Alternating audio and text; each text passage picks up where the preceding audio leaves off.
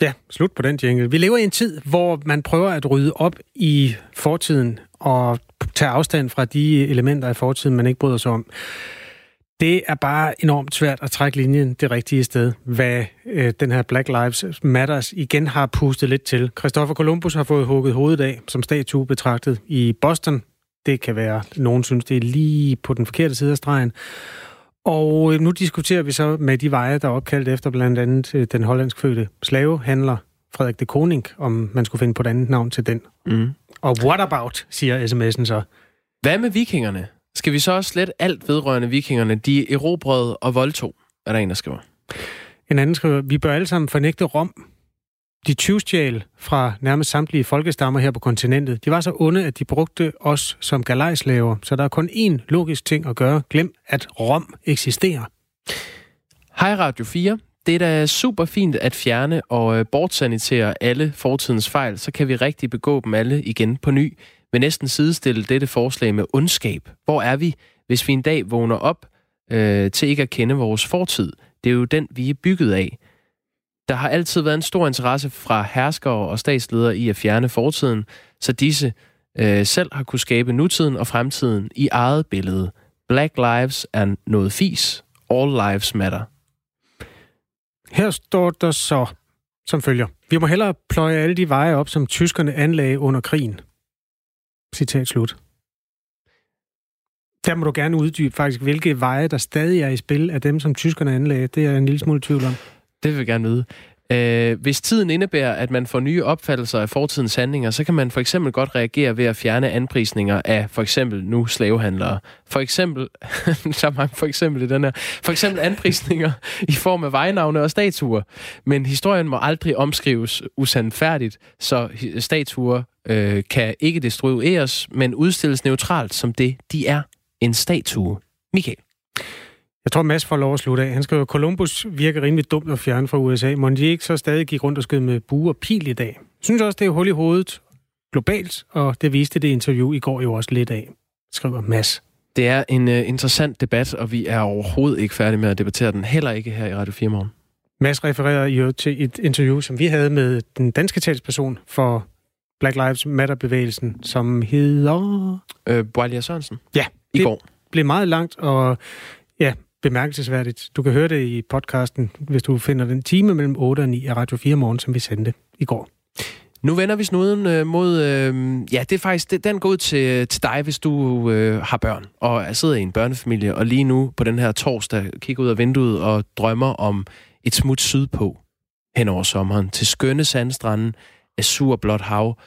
Øh, det bør du nok lige overveje en ekstra gang.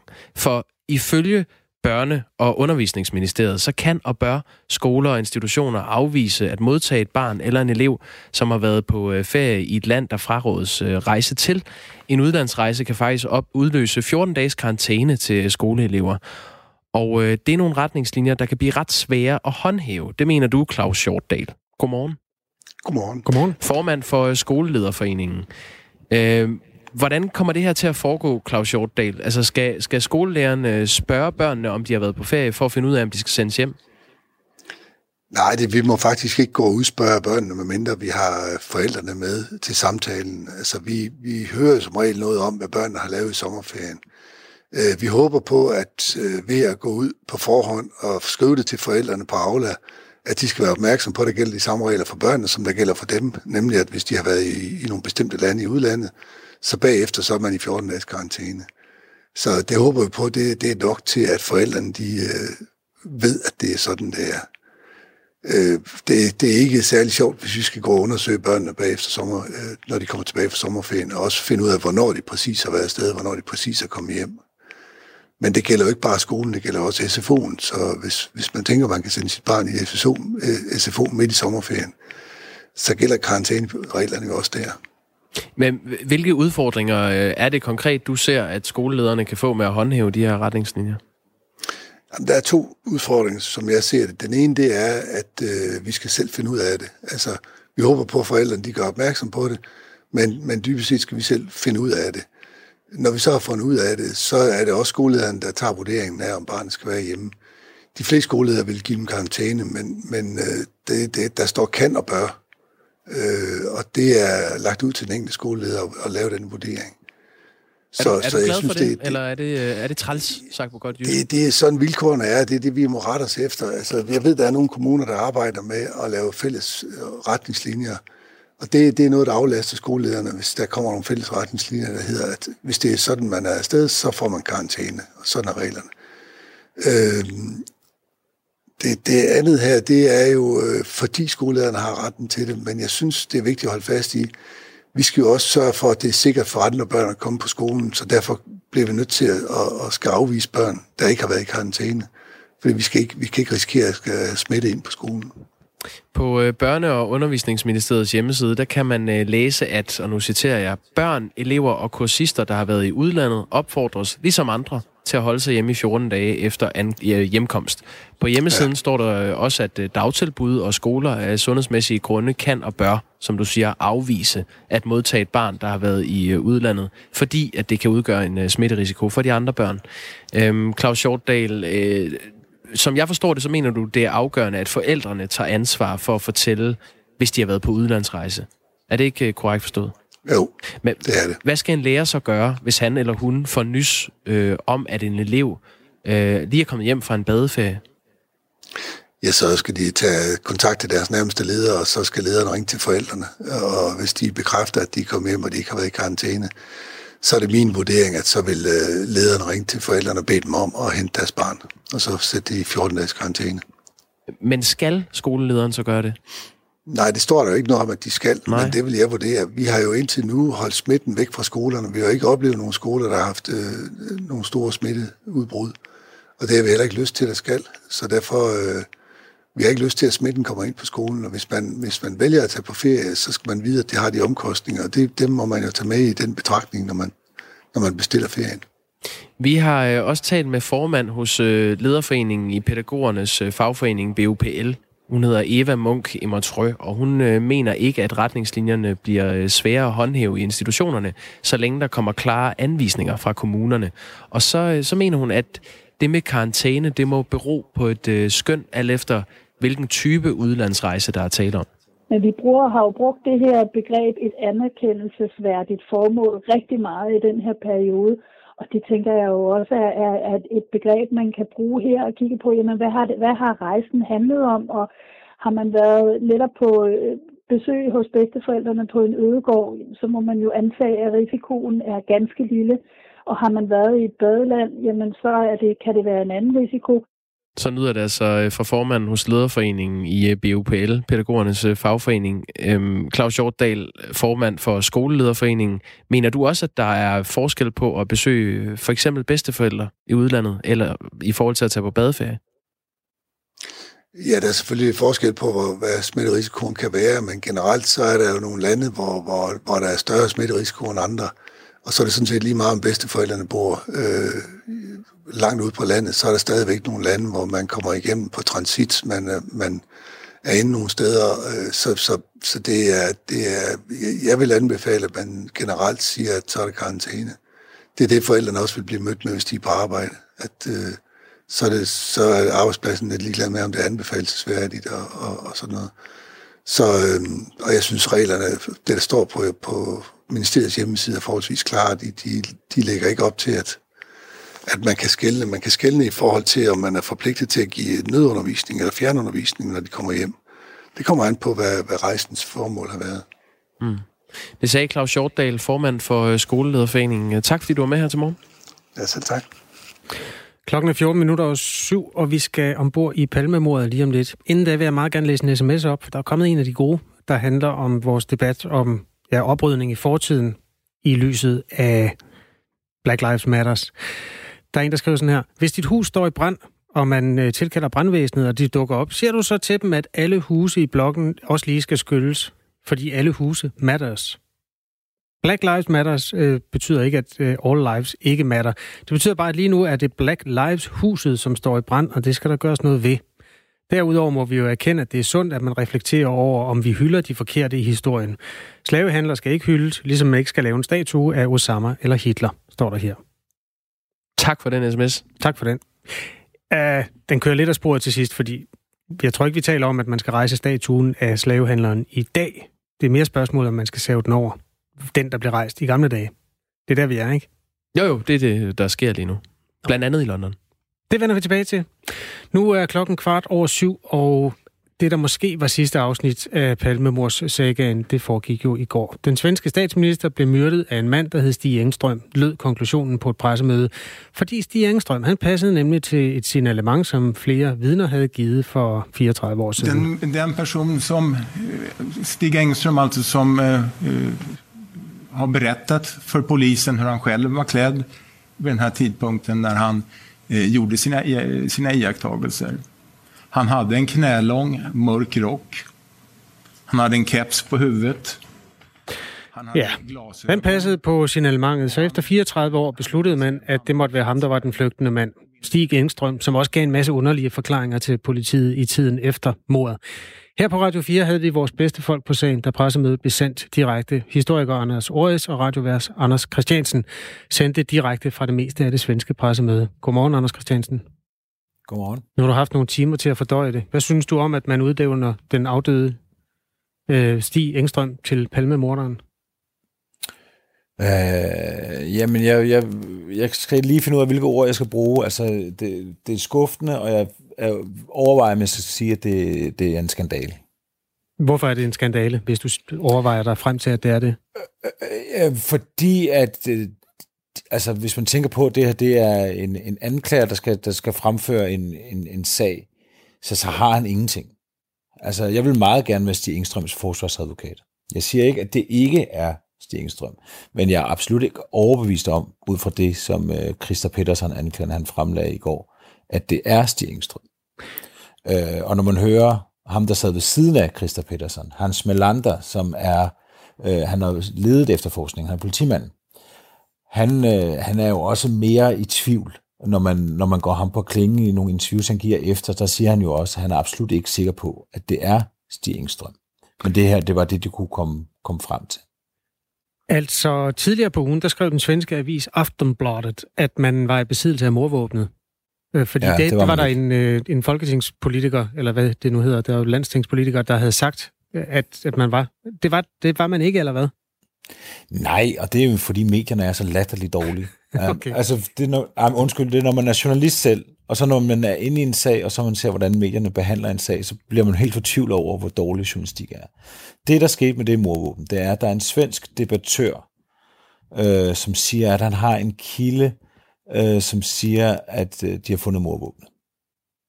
Og det bliver så altså forvansket hen ad vejen til, at det ender med, at, at de har morvåbnet. Og hvis man læser et andet citat fra ham i den norske avis Verdens Gang, der siger han, jeg ved ikke, om de har morvåbnet. Jeg har to kilder, og, og det her det er en af de teorier, jeg har hørt. Og det bliver så til, til fem høns, ikke? Øh, når, de, når, når det ene medie citerer det andet, og det andet medie citerer det ene, og så videre, og så videre, og så videre. Men Anders Christiansen, det, det, troede, troede du et kort øjeblik, at man faktisk havde morvåbnet, eller var du jo i stand ja, til at læse bagom? Nej, altså, nej, fordi man har jo hørt, at, at det var noget af det, der kunne gøre forskellen, at de kunne have morvåbnet. Altså, så er det jo ikke fordi, at det sådan var helt ud af det blå, men, men fra det og så til, at man som et faktum siger, at de har morvåbnet, der, der er jo en stor forskel. Manden, der blev udpeget som morder, har været i medierne selv, Stig Engstrøm, og han har endda medvirket i en slags rekonstruktion af drabet. Polisen var inte intresserad av dig, vad du säga. Nej, Trots att du ville påpeka att det var du själv som hade blivit beskriven som mördaren alldeles nyss. Ja, men eh, eh det, det var ointressant. Eh, det var ett, ett ointresse, ointresse hela tiden. Eh, Her jammer Stig Engstrøm over, at eh, politiet ikke rigtig havde lyst til at høre på hans forklaringer omkring sagen. Det ligger på Aftenbladets hjemmeside, nogle af de der gamle klip. Det er altså ret interessant at se. Hvordan forholder det sig egentlig retsligt og etisk, når en død mand bliver udråbt som morder, Anders Christiansen? Ja, altså det, det ved jeg ikke, men, øh, men altså jeg, jeg tænker, at, at, øh, at chefanklageren altså, skal være glad for, at, at Stig Engstrøm ikke har noget nær familie. Altså Stig Engstrøm har ikke nogen børn, og han har ikke noget, så vidt jeg ved, har han ikke nogen søskende, som han har tæt med. Der er en, jeg har bemærket, at han har en, en ekskone, som forresten har sagt, at Stig Engstrøm er alt for fejt til sådan noget. Han er slet ikke den type. Og så har han en kusine, som har været ude og sige, at hun synes, det her det er skandaløst at han er blevet, blevet udpeget. Men jeg, jeg tænker faktisk, at hvis jeg var Stig Engstrøms søn, så ville jeg ligge i en USA. Øh, fordi det er et meget tyndt grundlag, at han bliver, bliver udnævnt som, som morder. Stig Engström havde ikke nogen søn. Olof Palme havde tre. En af dem øh, hedder Joachim Palme. Han siger sådan her. Det positiva har varit att eh, polisen har kunnat lägga fram en systematisk analys av eh, vittnesmålen från mordplatsen och kunnat visa att eh, Stig Engström har varit där, eh, men inte så som han själv har beskrivit det som vittne, utan som gärningsman. Sagde altså Joachim Palme. Øh, er det ikke meget fint, at familien får en form for fred? Anders Christiansen? Gør de det? Gør de det? Jeg tror, de er tilfredse med konstruktionen. Jeg ved det ikke. Ja, altså de, de, de siger, altså de har jo, de har jo, øh, i, de har jo i lang tid været overbevist om, at det var Christa Petersen med C, altså ham, der tidligere er blevet dømt og øh, så siden frikendt. Ham har de jo været sikre på, var, var morderen i lang tid, for det, dels det sagde, øh, det sagde deres mor, Lisbeth Palme, at det var ham.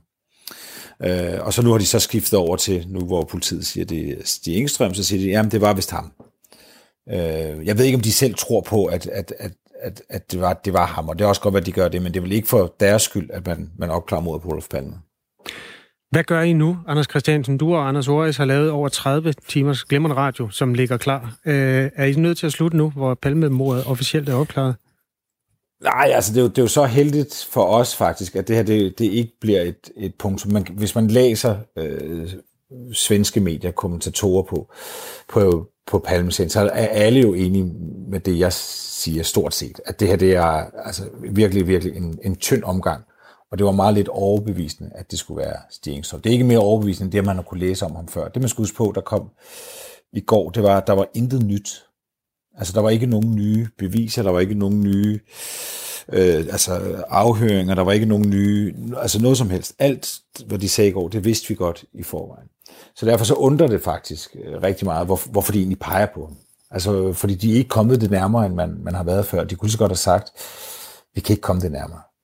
Øh, og, og Melander, han siger også noget i retning af, at øh, altså, der, der, altså, de siger, han siger faktisk, det vi mener, det er, at der er ikke nok til, at man kan få ham dømt, men der er nok til, at hvis han levede, så ville vi anholde ham og afhøre ham. Mm, okay. Øh, og så derfor så, så er jeg jo nysgerrig. Jeg er nysgerrig efter, hvorfor de udpeger ham. Og jeg kunne godt tænke mig at lave et, et, et, et forsvar for, for Stig Engstrøm. Altså en, en retssag simpelthen. Altså den retssag, han ikke får, den kunne jeg godt tænke mig at opføre. Det var et interessant uh, input til en uh, podcast mere i sagen. Der ligger over 30... jeg, jeg gør jo alt forholdene i livet. ja, selvfølgelig. Øh, nej, øh, nej ja, det, det vil jeg faktisk rigtig gerne. Det, det, det tror jeg kunne være rigtig spændende at se, om, om han vil uh, blive frikendt. God arbejdsløst, Anders Christiansen. Ud fra det, vi hørte i går. Selvfølgelig, ja. ja. Tak fordi du var med her. Anders Christiansen, ja, som er den ene af de to værter på Krimiland, og de ligger altså på Radio 4's hjemmeside, eller i det sted i din telefon, hvor du finder podcast frem. Den hedder Krimiland, og der er masser af belysning af det her nu 34 år gamle, måske opklaret mor. Klokken er syv minutter i halv otte. Gone with the Wind has captured the imagination and acclaim of the entire world. Det er traileren til Borte med Blæsten, vi lige hørte øh, begyndelsen af her. Dejlig film, faktisk. Lidt lang. Ja, det kan du sige. Den er jo fra 1939, og øh, i traileren her bliver det sagt, at den har fået anerkendelse fra hele verden. Nu er vi så i øh, 2020, det herrens år. Og HBO, den øh, amerikanske streamingtjeneste, øh, som har haft den her film, Borte med Blæsten liggende, har i går fjernet klassikeren fra deres side på grund af den racisme, der forekommer i øh, filmen. Øh, HBO fortæller, at øh, de vil lægge den op igen med en beskrivelse af filmens historiske kontekst og fordømmelse af dens racistiske skildringer. Og det, øh, det taler jo meget fint ind i et tema, der ligesom er, er blevet i Radio 4 morgen den her morgen. Man skal aner vi, et mønster. Man aner et mønster. Næsten alle historier handler om, skal vi gøre op med øh, vores racistiske fortid. Det er jo et godt afsæt til at se på, hvordan ser det egentlig ud i øh, den danske filmhistorie med racisme. Godmorgen, Søren Birkvad. Godmorgen. Godmorgen. Filmhistoriker og professor i øh, filmvidenskab. Før vi skal tale om racisme i den danske øh, filmhistorie, så skal jeg først lige høre dig, hvad du tænker om, at HBO har øh, fjernet Borten Bort med Blæsten, fordi den er for racistisk. Øh, ja, altså det er jo øh, fint nok, at de har fjernet den, med, øh, så frem de øh, tager den tilbage igen. Øh, hvis de vil fjerne den permanent, det synes jeg vil være en, en, en, en, en dårlig idé af forskellige grunde. Men øh, jeg synes, at det er, ja, det er da meget forståeligt, at man vil øh, lægge sådan en disclaimer ind øh, alle mulige foretagender, ikke mindst kommercielle, øh, som, som HBO, er jo optaget af at, at være på den rigtige side i øjeblikket. Øh, men hvis vi ser bort fra det, så er det der under alle omstændigheder passende, øh, at et helt almindeligt publikum, der, der betaler for sådan en service, som HBO er, at de så at sige bliver advaret mod, mod denne her film, fordi Øh, mange vil virkelig stejle øh, over enkelte scener i den film og tænke, wow, det var dog helt utroligt, kan det passe? Mm.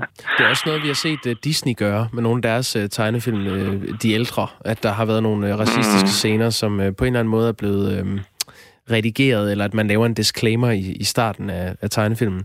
Har vi eksempler på mm. danske film, der indeholder racisme? Ja, det kan man godt, øh, det kan man øh, godt finde, men altså så skal, man, så, så skal det, det er sådan et stykke arkeologisk arbejde, hvor du altså virkelig skal ned og rode i jorden. Øh, for, Hvad med den der for, lille for, per? Mener, der er en, en, en lille neger fra Afrika. Kan du huske det? Jo, jo, det er klart. Jo, ja, ja. ja. Øh, så selvfølgelig kan du finde sådan noget i replikker og sanglinjer og, og, og sådan øh, lidt af hvert. Øh, men men altså, den fuldstændig enorme forskel er jo, at øh, Danmark ikke er USA. Øh, USA er ikke Danmark. Vi har simpelthen ekstremt forskellige historier. Øh, Amerika er, er som moderne samfund, at USA er øh, bygget som et indvandringssamfund, øh, hvor nogen, altså hvor de fleste indvandrede frivilligt, og, og, og nogen øh, ufrivilligt, altså slaver fra, fra Afrika. Ja. Det er sådan, USA er, bygget op, og, og vi har simpelthen af, af historiske grunde ikke den samme historie i Danmark. Derfor er der ikke så mange øh, sorte mennesker i danske film, og, og derfor er der ikke sådan en, en, øh, en racistisk grundtendens, øh, som man kan finde det i mange amerikanske film. Men det findes, og øh, der er en film, der hedder Styrmand Carlsen, for eksempel. Det er en film fra 1958, blandt andet med Dirk Dirk Passer, Ove Sprogø, Karl Stegger og Gita Nørby. Det er jo en øh, perlerække af danske skuespillere for den tid. Vi har taget øh, et par klip. Lad os, lad os lige høre det her klip.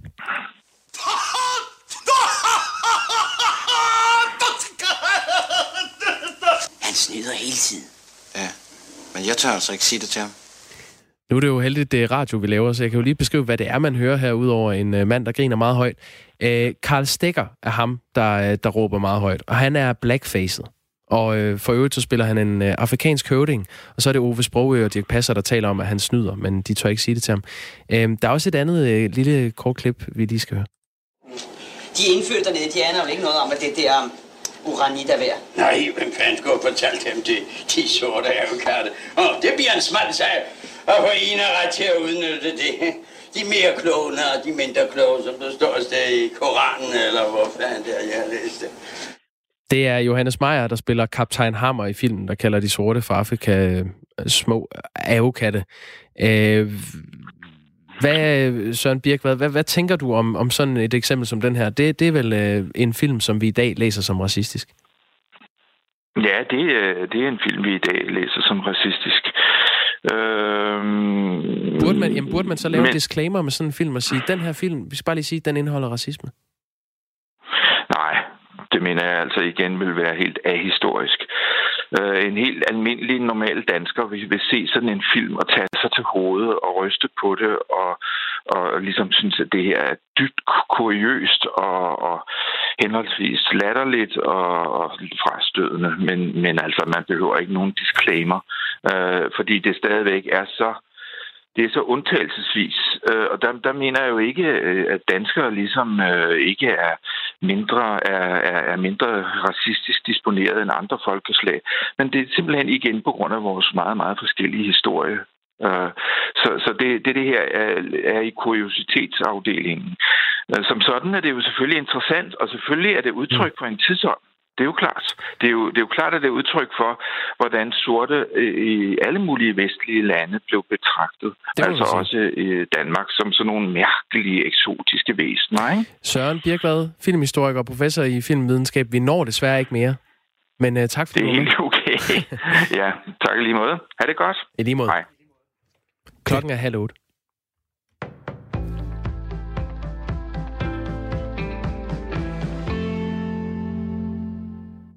Når Danmark på mandag igen åbner grænserne for tyske feriegæster, ventes der at komme gæster til 14.000 sommerhusbookinger. Det viser tal fra Feriehusudlejernes brancheforening, skriver DR. Butikkerne langs de danske kyster kan derfor se frem til flere gæster, der, der i gennemsnit er fem personer i hvert sommerhus, det fortæller Carlos Villauer Lassen, der er direktør for Feriehusudlejernes brancheforening til DR. Det har vi ventet på, siden landet blev lukket ned, siger han. 91 procent af mandagens bookinger er i Jylland og på Fyn, hvor særligt Sydjylland kan se frem til tyske feriegæster. Her ventes der 5.300 bookinger ifølge brancheforeningen. 6 procent af bookingerne er på Sjælland, mens 3 procent er på på Bornholm. Der er dog stadig et stykke vej op til aktiviteten i højsæsonen midt i juli. Her er normalt op mod 30.000 udlejninger i danske sommerhuse. USA har registreret over 2 millioner smittede med coronavirus, det viser en opgørelse fra Johns Hopkins University. Af de 2 millioner er knap 534.000 raskmeldte. USA er klart det hårdest ramte land land både mål på antal smittede og døde. Brasilien har registreret næst flest smittede, mens Rusland har tredje flest smittede. Til sammenligning har Danmark registreret lidt over 12.000 smittede, det viser tal fra Statens Serum Institut onsdag. Heraf er knap 11.000 raskmeldte. Det kan dog være svært at sammenligne smittetal lande imellem, da det kan afhænge af forskellige teststrategier. USA har registreret knap 113.000 coronarelaterede dødsfald.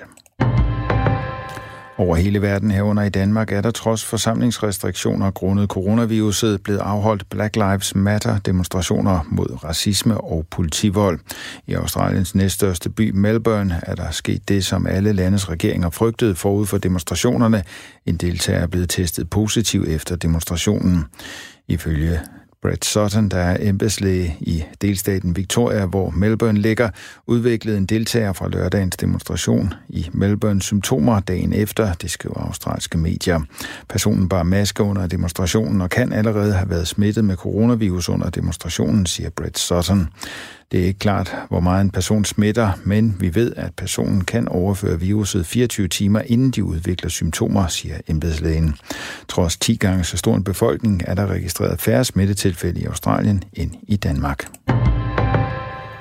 Det tyske luftfartsselskab Lufthansa risikerer at måtte opsige mellem 22.000 og 26.000 ansatte.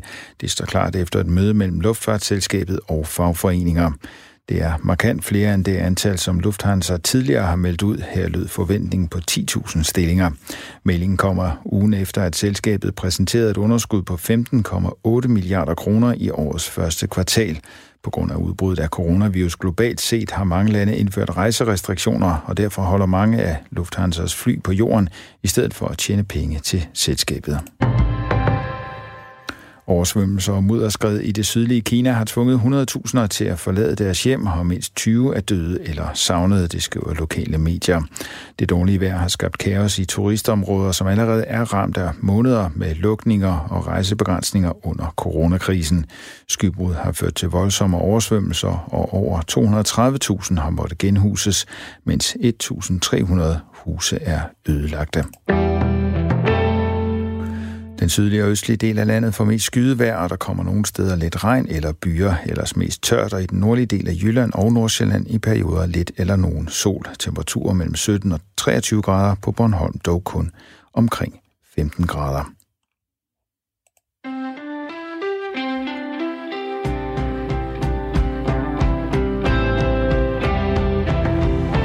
Vi diskuterer, hvordan man rydder op i fortiden, om man skal fjerne alle symboler, der på nogen måde relaterer til noget, som man ikke vil gøre i dag.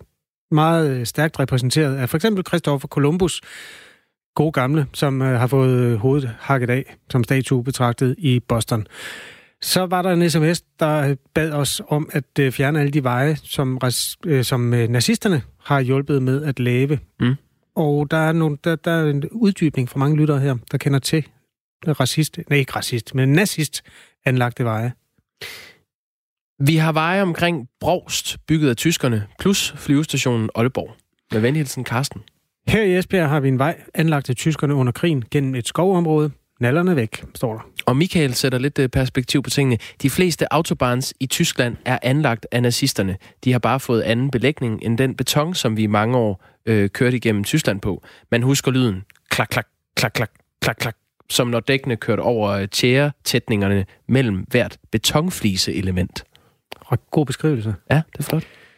Tak for øhm, den. Hvis det nu bliver mega upopulært at have en kæmpe tud om 200 år, skal vi så rive H.C. Andersens hus ned og slette hans navn fra gader og stræder?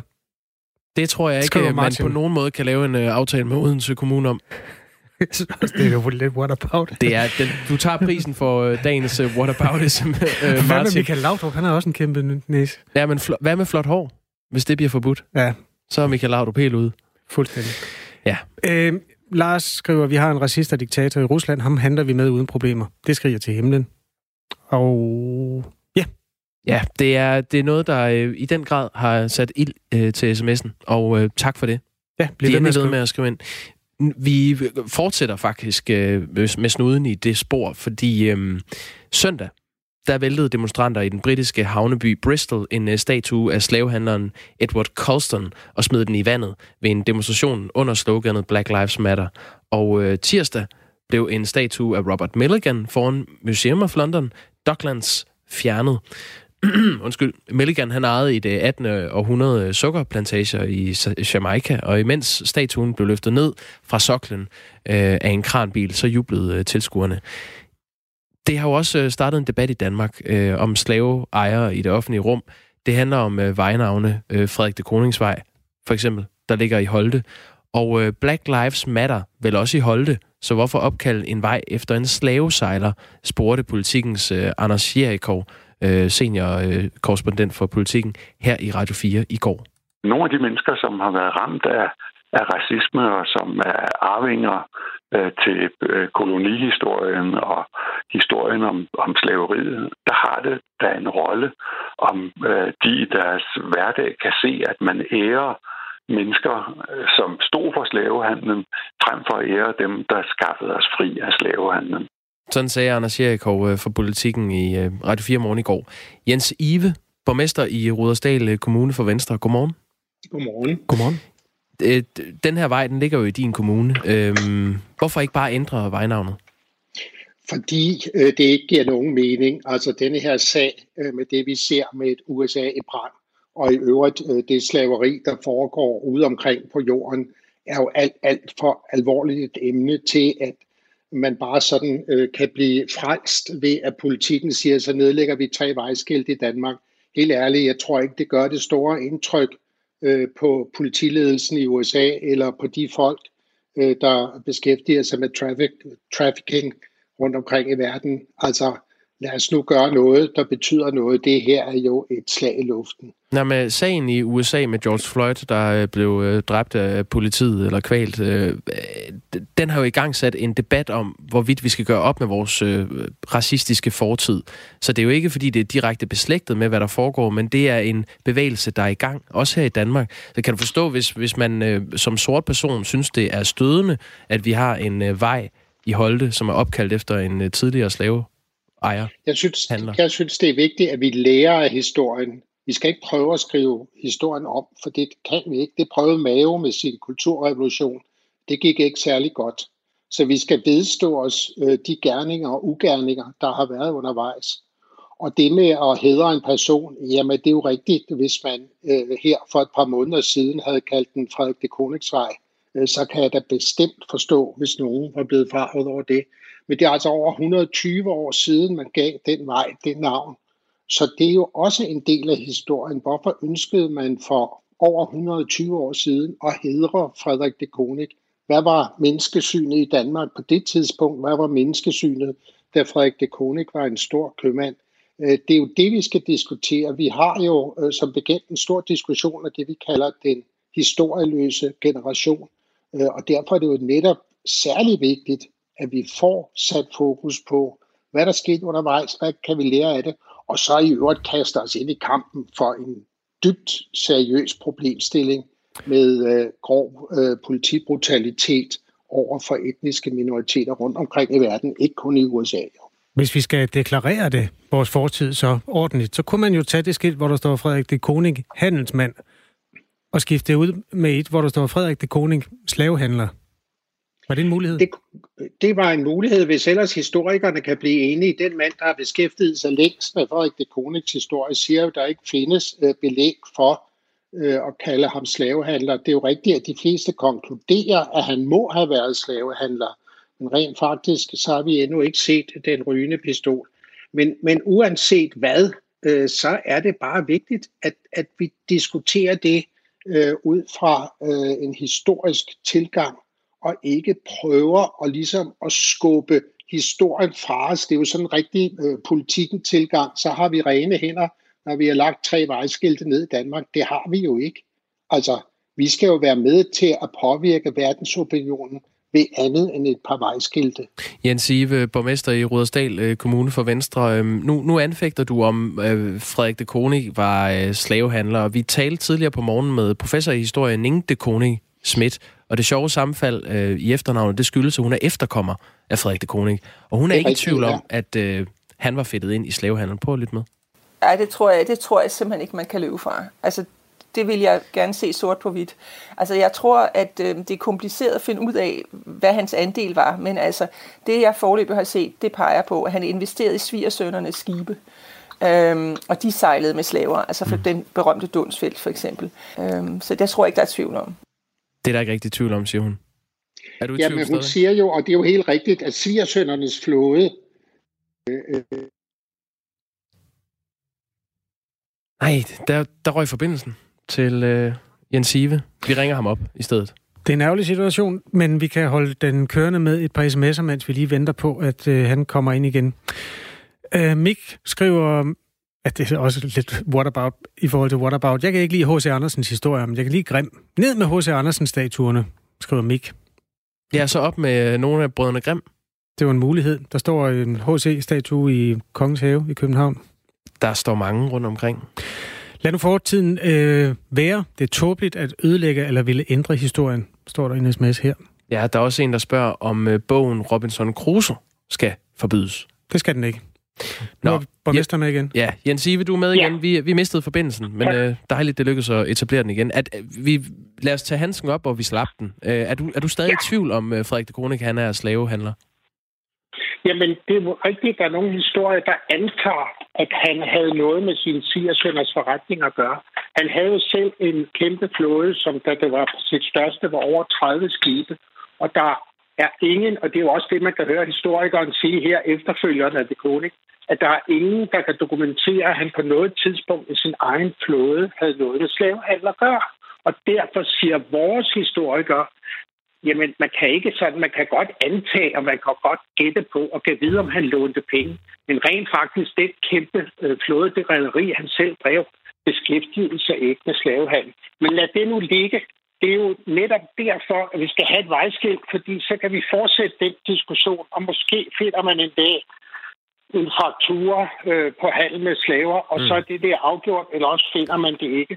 Men, Men hvis man fjerner skiltet, så får vi aldrig diskussionen, og det er jo det, der er det væsentlige her. Der er andre veje. Vi, vi øh, lægger den historiske debat om Frederik de Konigs øh, liv til side nu, og så øh, holder vi lige snuden i det generelle spor. Øh, der er jo andre veje, der er opkaldt efter øh, angivelige slavehandlere. Der er Schimmelmannvej, den ligger i Klampenborg, og i Hellerup, der ligger øh, Søbøgers øh, Allé. Øh, Jakob Jensen, som er kommunalbestyrelsesmedlem fra Enhedslisten i din kommune, han øh, har sagt sådan her om øh, slavehandler gadenavne. Jeg synes ikke, at vi skal have nogen veje øh, i vores kommune eller nogen steder i Danmark, som øh, er opkaldt efter slavehandlere. Det, der er ingen tvivl om, det bør ændres. Han synes, det skal ændres. Øhm, Jens Ive, hvis der er nogen, der bliver stødt over de her vejnavne, hvad er så egentlig argumentet for at beholde dem? Jamen, hvor starter vi, og hvor slutter vi? Øh, I har selv lige været inde på at diskutere den danske sangskat. Øh, hvad skal vi gøre med det?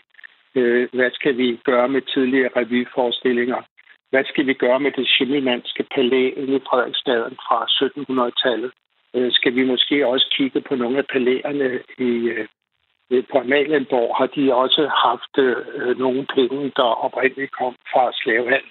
Altså, der er nok at tage fat på, det, der bare er hovedet, det væsentlige her, det er, lad nu være med at prøve at lave en halv mave kulturrevolution. Vedkend os vores historie.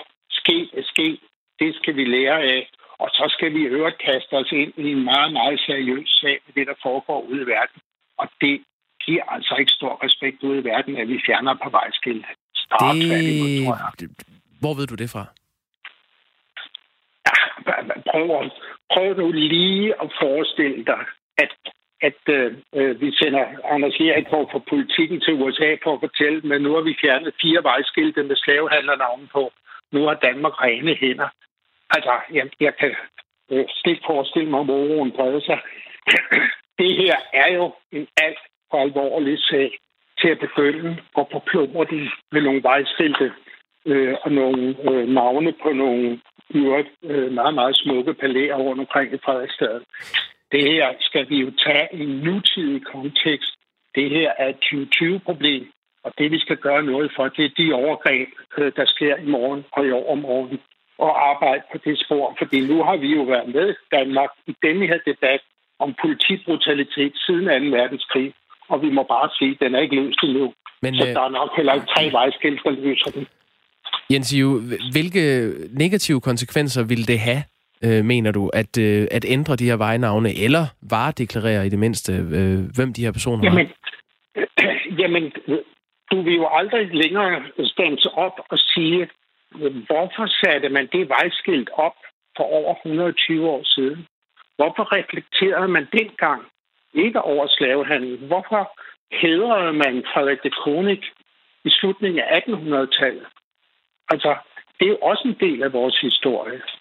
Hvorfor, øh, hvorfor var Frederik de Konig, hvis vi går tilbage til år 1790, hvorfor var han sådan en stor mand? Øh, særdeles vel anset øh, adgang til hoffet, og så videre, og så videre. Det er jo det, vi skal diskutere. Hvad er det for et menneskesyn, vi har? Mm. Hvor kommer vi fra, og hvor er vi i dag, og hvad er det så undervejs, der har ændret os? Fordi vi har jo et problem med at få formidlet vores historie og få diskuteret, hvad det er, vi kan lære netop af historien. Ved at fjerne historien, jamen så bærer vi jo bare øh, ved til det bål, der hedder, at vi bliver endnu mere historieløse. Og det synes jeg simpelthen ikke er gavnligt for noget som helst. Jens Ive, du er jo borgmester i Rudersdal Kommune for Venstre. I øh, London, der har de også en borgmester. Han hedder Sadiq Khan, og han har øh, ifølge BBC nedsat en kommission, som skal gennemgå øh, statuer og gadenavne i hele London, som en reaktion på de demonstrationer, vi ser over hele verden lige nu, øh, under øh, øh, hashtagget Black Lives Matter. Alle de her navne eller statuer, som har reference til slaveri i London, de skal ifølge Sadiq Khan fjernes. Det er altså noget, man tager meget alvorligt i England. Øhm, hvorfor tager du det ikke så alvorligt? Jamen, altså, det er London, og det her, det er Rudersdal. Og hvad så? Altså, det, er, det er sådan, det er. Jamen, det er sådan, jeg blander mig jo ikke i, om Gentofte Kommune vil gøre noget med deres vejskilte, eller Københavns Kommune vil gøre noget. Øh, jeg blander mig heller ikke i London, og jeg går også ud fra, jeg har hørt, heller ikke hørt at London vil blande sig i vejskiltene i Rådersdal. Sådan er det. Vi er hver vores kommuner, og vi er hver vores tilgang, og den frihed skal der være. Men hvorfor vil du ikke gøre som i London en gang til? Jamen, det vil jeg ikke, fordi jeg vil ikke prøve at fjerne vores historie. Jeg vil lære af vores historie. Så der kommer en, øh, en disclaimer under øh, Frederik de Koningsvej, at han var slavehandler? Jamen altså, hvis, hvis du nu får en tur herude i Rådersdal, så gør vi rigtig meget ud af Øh, gennem øh, de her øh, koder, du kan bruge til din mobiltelefon. Så kan du øh, tage op på Næsseslottet, så kan du tage op på og se øh, det mindesmærke, som altså, det Konik har sat øh, for handel og søfart i Danmark. Og undervejs, så kan du med din telefon få fortalt hele historien. Det er jo netop fordi, at vi her i Rødesdal bidrager til historien, i stedet for at prøve at fjerne historien. Bare lige helt kort. Øhm, du frygtede, at hvis I fjernede de der skilte, og tog ud i verden og fortalte, at vi har fjernet de skilte, så vil folk dø af grin. Dør du af grin, når ja. du hører om det, de gør i London? Nej, men, men jeg synes helt ærligt, at, at det er Londons måde at gå til det på. Jeg men, mener, men er, det, er det sjovt, eller er det en symbolsk stærk ting? Eller hvordan opfatter du det, de gør i London? Jamen, jeg synes, at det er rigtig fint, at man demonstrerer. Jeg synes ikke, det er fint, at demonstrationer udvikler sig til vold og herværk hverken af den ene art eller den anden. Det er ikke øh, herværk, det er noget, borgmesteren har besluttet, at man skal gøre?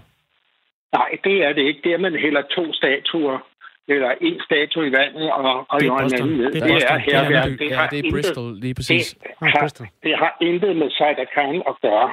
Jo, øh, Sadiq Khan har beordret nogle øh, forskellige statuer, som er opført efter slaveejere i London, øh, fjernet. Så det, Jamen, det, er, det, er jo hans, det har jeg jo sagt, det er jo hans valg. Altså, ja, men hvordan reagerer du på, jeg mig ikke. Nej, men øh, hvis vi nu beder dig om at blande dig lidt i det, og så have en holdning til det, hvad, hvad mener Jamen, du så om det har jeg ikke. Jeg har ikke en holdning til, hvad andre kommuner gør. Om det er andre kommuner i Danmark eller i udlandet. Det har vi en fælles forståelse af. Øh, hver borgmester sin kommune, og der gør man øh, det, der nu passer ind i det billede, der er det. Det sagde Jens Ive, borgmester i Rudersdal Kommune for Venstre. Tak fordi du øh, var med her til morgen. Jamen selv tak. God dag. Ja, tak lige måde. Klokken er 7.51, sms'en gløder. Øhm, idiotisk partisk interview, skriver en. Øhm, en anden skriver, skal vi rive pyramiderne ned? De byggede af slaver. Det vil da være ærgerligt. Ja, øh, Peter Smeichel samarbejder med Putin. Putin er racistisk over for blandt andet bøsser. Øh, og kan Smeichel derfor være i Hall of Fame? Spørger Tommy Ligård. Jeg, jeg ved ikke, om man kan være racistisk over for bøsser. Så tror jeg, det hedder homofob. Der er mange statuer, der går en hård tid i møde. Jeg tror, vi skal aftale, at ingen rykker statuer ned, før at Mette Frederiksen har sagt, at man må. Lad os aftale det. Klokken den er 9 minutter i 8. Nye tal fra Sundhedsstyrelsen viser, at der har været et stejlt fald i antallet af nye henvisninger til udredning på de danske sygehuse i coronaepidemiens første uger.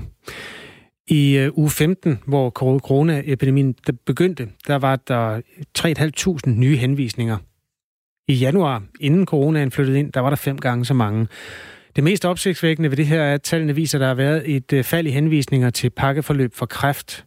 Der er det faldet til omkring en tredjedel. Jesper Fisker er administrerende direktør i Kræftens Bekæmpelse. Godmorgen. Godmorgen. Nu kommer der lige nogle tal her i hovedet på dig i morgentrafikken. Øh, 1181 blev henvist i uge 15. Øh, tre gange så mange blev henvist i uge 2. Hvordan lyder det i dine, ord, dine ører? Ja, det er skidt. Det er skidt. Øhm, og det er det jo, fordi øh, hvis det var udtryk for, at der var færre, der fik kræft, så var det jo glædeligt. Men der er ikke nogen grund til at tro, at, øh, at der er færre, der får kræft øh, herunder, hverken før, under eller efter øh, coronaen. Og det er jo stadigvæk sådan, at der er 44 mennesker, der dør af kræft hver dag. Så det her det er et udtryk for, at nogle af dem, som burde være gået til læge, burde have fået en diagnose, burde være i gang med et kræftpakkeforløb, det er de ikke kommet. Øh, og det er skidt. Er der mange, der går rundt med kræft uden at vide det så? Er det det, man sådan helt lineært kan regne ud, ud fra de tal? Ja, man kan jo i hvert fald sige, at, øh, at hvis, hvis forekomsten af kræft er, som den plejer, det har vi ikke nogen grund til at tro, som sagt, at den ikke er, øh, så vil det betyde, at der er nogen, der kommer for sent i gang. Og kræft er jo en akut sygdom. Det gælder simpelthen om at få den konstateret så hurtigt som muligt og komme i gang med en behandling. Så jo længere tid man trækker den, jo dårligere bliver, øh, bliver helbredsmulighederne. Hvad er det, der skal gøres nu? Fordi der er vel stadigvæk noget tid, hvor man kan forsøge at lappe på det her. Hvad, hvad vil være en løsning nu? Altså der er tid, øh, og det, det er jo det gode ved, at de laver de her opgørelser, at man kan følge med i, hvad der sker. Og tallene viser jo også, at selvom det ser, som du sagde, rigtig, rigtig skidt ud i nogle bestemte uger, så ser det også ud som om, at det er på vej tilbage på ikke fuldt niveau, men i den rigtige retning. Øhm, så, så svaret er jo, at vi skal i gang med at gøre noget rigtig, rigtig hurtigt, fordi hvis det her det er en kortvarig øh, så er det måske til at håndtere, men hvis det er noget, der strækker sig over lang tid, flere måneder, halve år, så bliver det rigtig, rigtig problematisk. Hvad kan man så gøre ved det? Ja, altså det gælder jo om, at hvis man har symptomer som patient på livstruende sygdomme, det kan være kræft, men det kan også være hjerteproblemer eller andre ting, så skal man simpelthen konsultere sin, øh, sin læge, sin praktiserende læge. Øh, lægerne sidder klar. Øh, det har de gjort hele tiden. I en periode har de faktisk også haft for lidt at lave, de praktiserende læger. Så de er klar til at, at, at tale med patienterne og undersøge patienterne, og så sende dem videre til sygehusene, som sådan set også er klar med de pakkeforløb, som, øh, som det ikke er blevet brugt så meget i den her periode. Så det gælder om at sige til patienter, hvis man har øh, de symptomer, som man under normale omstændigheder vil kontakte en læge med, så skal man stadigvæk gøre det, øh, og det kan, kun, det kan kun gå for langsomt. Hvad vil I gøre nu? Ja, vi vil gøre det, vi hele tiden har gjort. Vi vil følge med i tallene. Vi vil bruge al den energi, vi overhovedet har på at kommunikere det her øh, budskab til patienter om, at hvis man har øh, symptomer på livstruende sygdom, så skal man altså kontakte sin læge. Vi arbejder sammen med Sundhedsstyrelsen. Vi vil også gerne være med i nogle af de initiativer, de laver. Vi arbejder sammen med de praktiserende læger om de her opråb for at sikre, at folk faktisk øh, går øh, til lægen, når de har de her symptomer. Så det er meget et spørgsmål om at få får kommunikeret budskabet og sagt til danskerne, øh, hør nu her, kræft holder ikke ferie, selvom der er corona. Der findes eksempler på mennesker, der har haft livstruende sygdomme, som føler, at de har stået i en kamp mod systemet. Et forsøg på at blive taget alvorligt, som ikke altid er lykkedes for dem.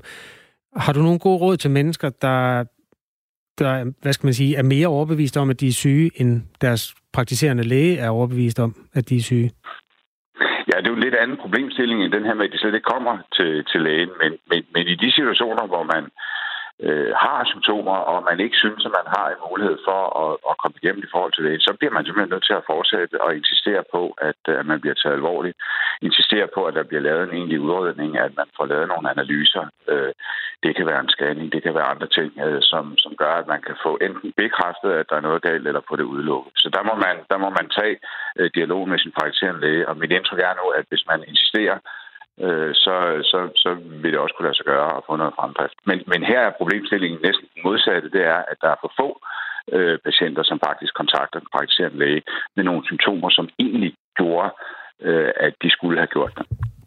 Så i den her sammenhæng, så den, der har skylden eller ansvaret, er i virkeligheden patienten. Er det det, du siger lige nu?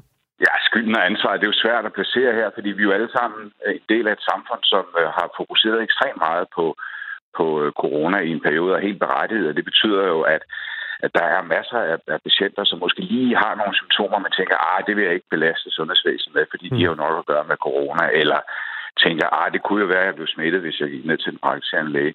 Så der er masser af gode argumenter for det. Jeg synes ikke, der skal uddeles nogen skyld, men det, der bare er vigtigt, det er at holde fast i, nu er vi på vej også i sundhedsvæsenet tilbage mod normalen, og der skal man altså, hvis man har nogle af de her symptomer, så skal man som patient, så skal man søge læge lød det gode råd fra Jesper Fisker, der er administrerende direktør i Kræftens Bekæmpelse. Tak skal du have. Selv tak. Klokken den er 7.57, 3 minutter i 8.